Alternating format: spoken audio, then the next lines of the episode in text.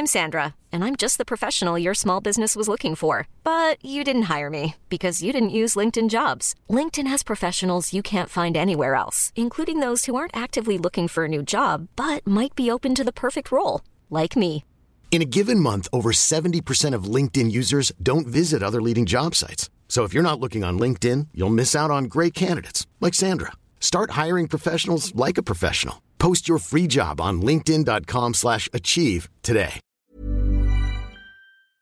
Halo pendengar GGMI Podcast, baik lagi bersama kita berdua dan pada kesempatan kali ini kita akan membahas big match para petinggi dalam klasmen yaitu adalah Arsenal dan juga MU yang akan bertemu di minggu malam. Gue mulai ke Alvin nih, gimana kita melihat kondisi dan juga situasi MU pasca kekalahan di eh keserian di tengah pekan dan kita harus bersiap melawan pem- pemuncak klasmen, Vin. Wah, ini sebenarnya adalah pertandingan yang mungkin kita bisa dalam better condition ya. Kalau misalnya kemarin lawan Peles, kita bisa menang dan juga gamble-nya Ten Hag akan Casemiro ini tidak berujung pahit, ya kan?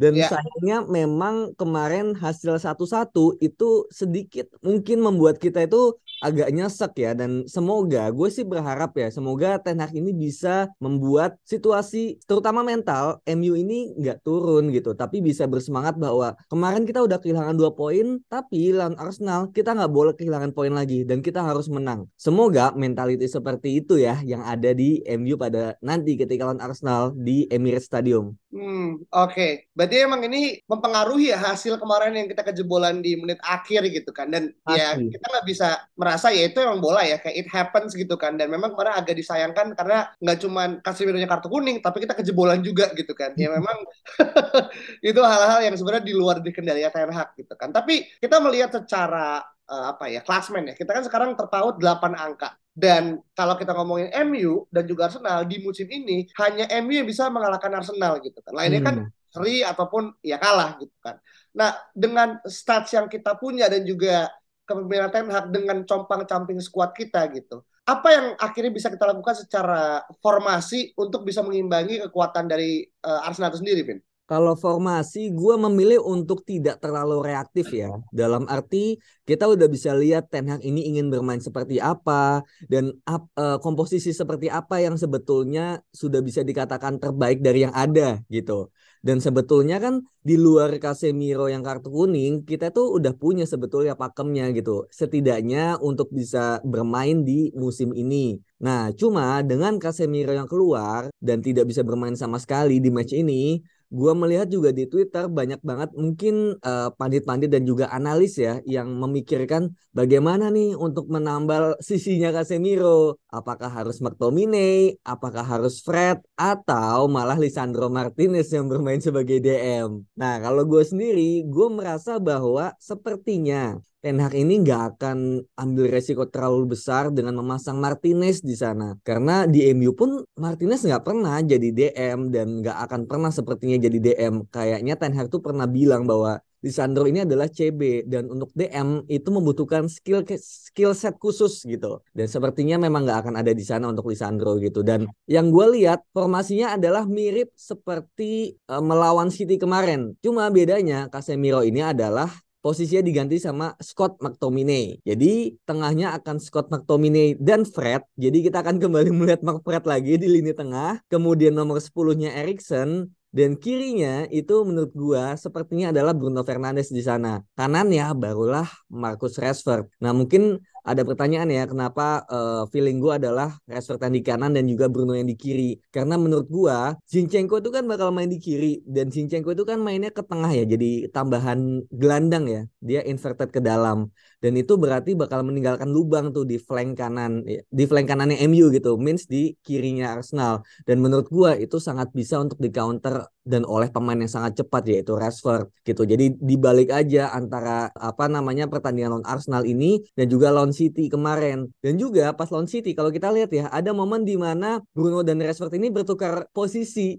Rashford sempat di kanan dan juga Bruno di kiri. Kenapa begitu? Karena Cancelo yang ada di kirinya City itu sering maju. Jadi itu akan dimanfaatkan oleh Rashford pada saat itu gitu. Itu menurut gua analisis gembelnya begitu ya. Dan depannya menurut gua kita juga lihat bahwa Martial katanya tidak latihan ya di Kamis kemarin. Jadi sepertinya menurut gua mungkin Wout Weghorst ini bakal bermain kembali atau bisa aja Rashford yang di penyerang dan juga Anthony yang ada di sayap kanan. Kalau untuk back sih menurut gua bakal sama aja sih. Hmm, Oke, okay. Dan kalau kita ngomongin squad ya, ini kan juga Arsenal juga gitu angin ya, karena dia barusan aja gitu kan mendatangkan Leandro Trossard gitu kan dari Betul. Brighton and Hove Albion gitu, tim yang sangat membuat eh, uh, Arsenal kesulitan kan, karena kan kalau kita ngomongin secara ini kan uh, dulu ada beberapa jokes yang kenapa Arsenal selalu kalah ataupun saya dengan Brighton and Hove karena dia dua tim gitu. Jadi seperti ini sekarang akhirnya dia mendatangkan uh, Trossard gitu. Nah, melihat Trossard ini akan langsung dimainkan dari menit awal karena kan dia posisi sebagai kalau di uh, Brighton kan sebagai di 352 kan di, dia dimain di posisi kiri ya. Uh, yeah, yeah. ya kasarnya di sayap lah di flank gitu kan. Uh, dan lu dan sekarang Arsenal juga udah ada uh, Zinchenko juga yang mungkin agak mirip. Nah, lu melihatnya gimana Vin? Uh, terkait dengan Leandro Trossard sendiri, Vin? Kalau Trossard, gua melihatnya dia adalah pemain yang cukup versatile. Dia bisa bermain di segala lini penyerangan dan dia sebetulnya kan ini ya uh, sayap kiri. Cuma dia bisa jadi penyerang, bisa menjadi AM juga dan dia sesekali bisa bermain di kanan kalau dibutuhkan. Meskipun jarang juga dia bermain di sana. Dan kabarnya ini agak mengagetkan adalah Trossard ini ternyata sudah latihan sama Arsenal dan katanya kata Arteta sih udah ready buat pertandingan gitu. Jadi memang ini cukup tidak mengenakan ya. Di satu sisi kita kehilangan Casemiro, tapi di sisi lain Arsenal malah pembeliannya yaitu Trossard udah siap gitu. Itu kan agak ngeselin ya gitu. Jadinya menurut gua sepertinya Trossard ini masih akan di bangku cadangan, tapi kalau situasi membutuhkan dia, Arsenal membutuhkan dia, menurut gua dia akan masuk untuk menggantikan let's say Enketia karena menurut gua Enketia akan bermain dari awal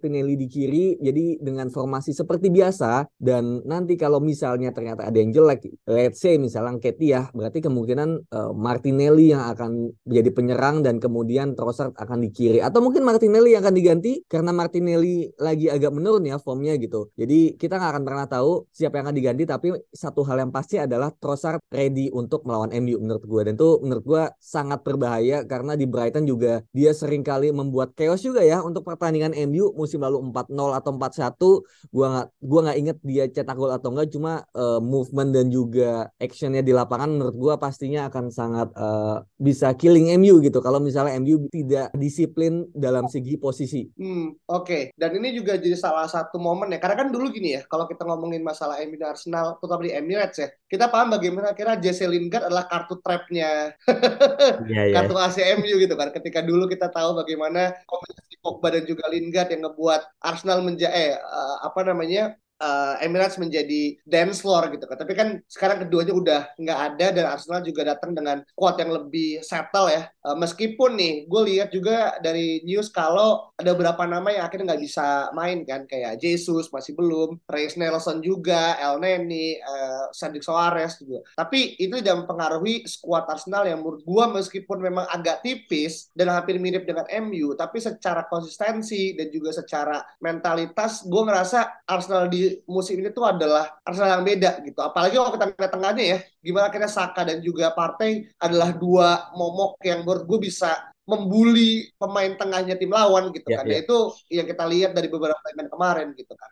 Nah, kalau kita melihat satu orang nih, Vin, Bukayo Saka gitu. Dan ini ada suatu uh, fakta menarik ya. Kalau Bukayo Saka besok itu nyetak gol, dia akan menjadi pemain ketiga yang mengikuti jejaknya Freddy Ljungberg dan juga Thierry Henry yang mencetak tiga konsekutif gol ke MU dan pemain Arsenal. Itu hal yang mungkin jadi salah satu catatan gitu kan. Nah, hmm. lu melihat Bukayo Saka sendiri seberapa mematikan pemain ini untuk akhirnya besok bisa mengempur dari sisi kanan yang masih akan dijaga sama mungkin ya Shaw gitu. Iya iya. Ya menurut gua Saka ini adalah pemain yang sangat bagus dan juga cukup konsisten di musim ini. Dia kalau nggak salah asisnya pun udah sama kayak Erikson di posisi dua yaitu dengan tujuh asis. Jadi kita juga bisa mewaspadai pemain ini ya Bukayo Saka dari sisi kanan yang mana kalau di Old Trafford kemarin Saka juga sempat cetak gol dan Malaysia pun sempat diayam-ayamin ya gitu. Jadi jangan sampai Luke Shaw juga akhirnya kena batunya juga di sini dan Luke Shaw yang memang uh, sepertinya juga nanti bakal sering maju untuk uh, overlap ataupun invert itu juga menurut gue harus berhati-hati dengan Saka karena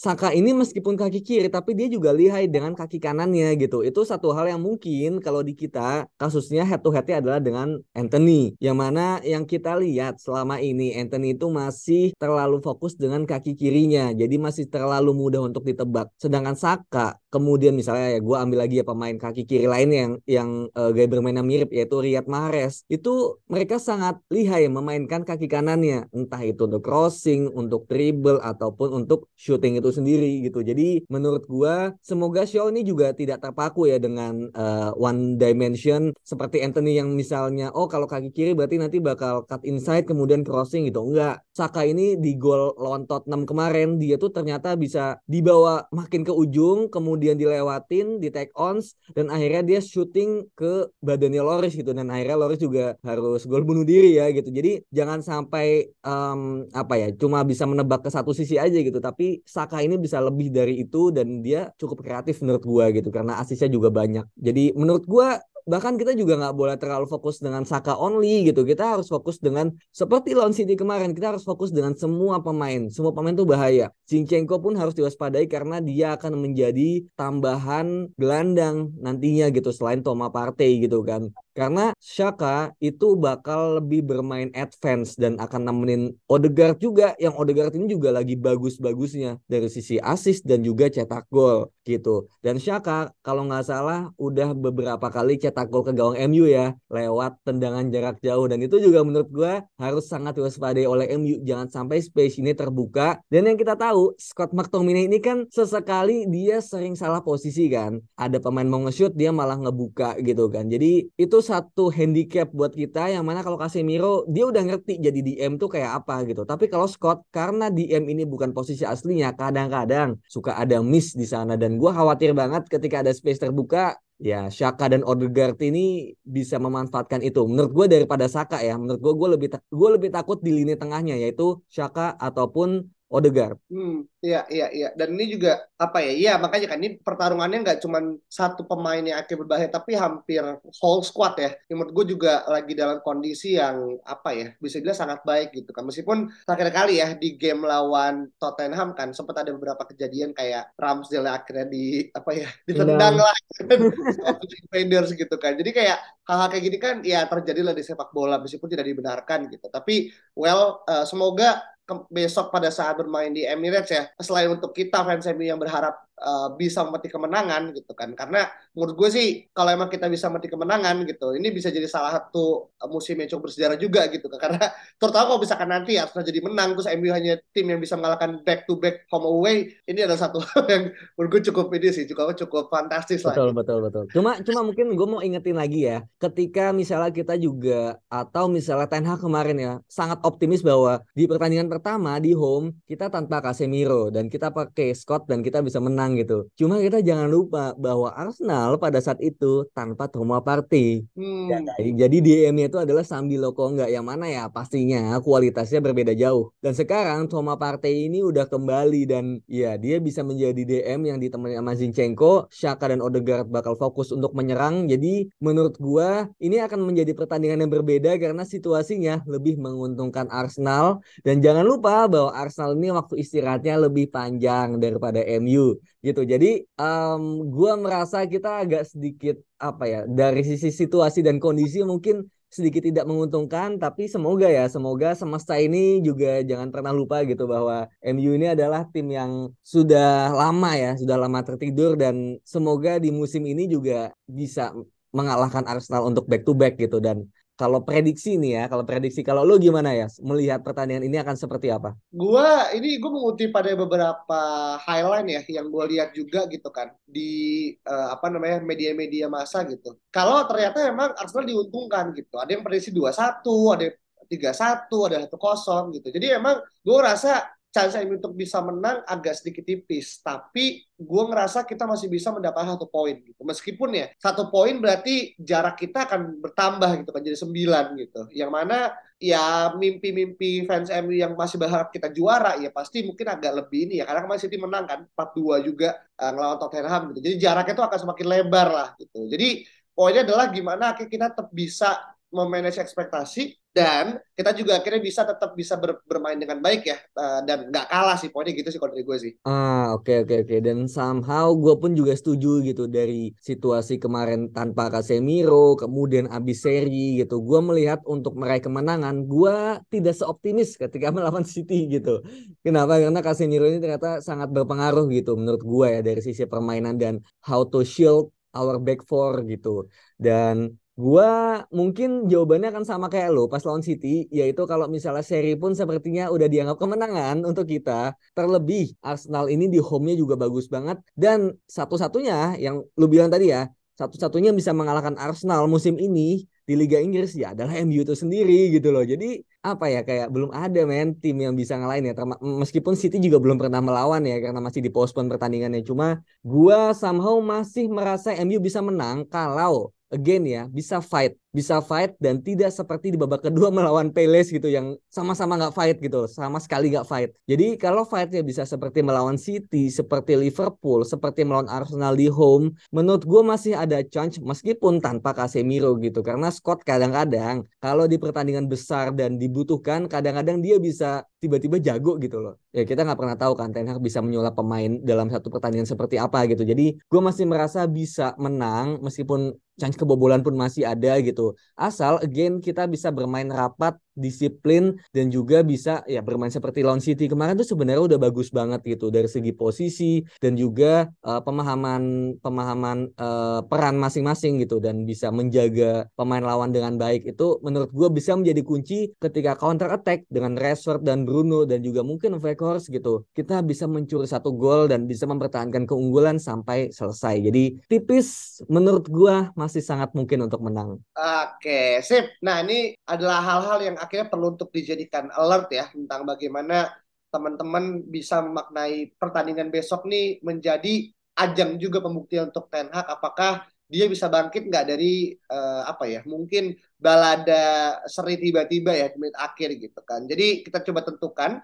Dan kalau teman-teman punya pendapat berbeda silahkan langsung saja reply tweet di Twitter ini gitu kan yang akan kita post gitu kan. Dan juga sekali lagi jangan lupa untuk kasih bintang 5 dan juga follow Spotify kita di @ggmi podcast supaya kita tetap bisa memberikan konten eksklusif untuk teman-teman pecinta MU di Indonesia. Itu aja, terima kasih banyak. Kita ketemu lagi pada kesempatan. Bye bye. Hi, I'm Daniel, founder of Pretty Litter. Cats and cat owners deserve better than any old-fashioned litter. That's why I teamed up with scientists and veterinarians to create Pretty Litter. Its innovative crystal formula has superior odor control and weighs up to 80% less than clay litter. Pretty Litter even monitors health by changing colors to help detect early signs of potential illness. It's the world's smartest kitty litter. Go to prettylitter.com and use code ACAST for 20% off your first order and a free cat toy. Terms and conditions apply. See site for details.